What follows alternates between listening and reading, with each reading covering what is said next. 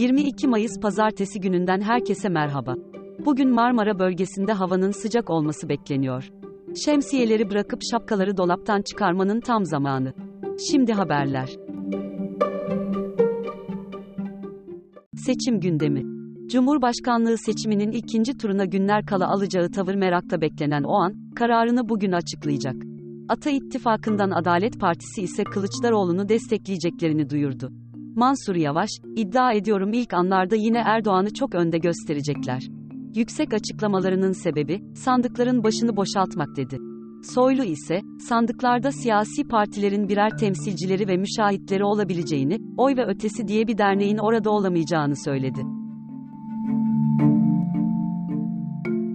Twitter, 14 Mayıs seçimlerinden önceki gece 4 hesap ve 409 tweet'e erişimi engelledi. Lumen veri tabanına göre Musk, Twitter'ı devraldıktan sonra Twitter'ın devletlerin sansür taleplerine uyma oranı %50'den %80'e çıktı. En çok talep gönderen ülke ise Türkiye. ABD yönetimi, Ukrayna'nın uzun bir süredir talep ettiği savaş uçaklarının teminine yeşil ışık yaktı. Karar, Japonya'daki G7 zirvesinde ABD lideri Biden tarafından müttefik ülkelere iletildi.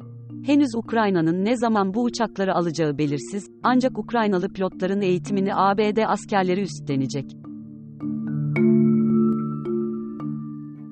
ABD sınır devriyesinin gözetimindeki 8 yaşındaki bir kız çocuğu hayatını kaybetti.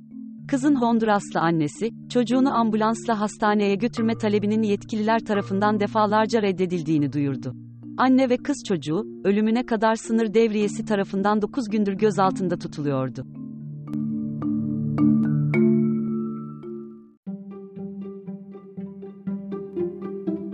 Hangi siyasi görüşe sahip olduğumuz kimlerle flört edeceğimizi de belirliyor. Ilgaz Gökırmaklı, siyasi görüşlerin flört etme sürecinde önemli olduğunu düşünenlerle Kapsül Pazar için konuştu. Okumak için kapsül.com.tr adresini ziyaret edebilirsiniz.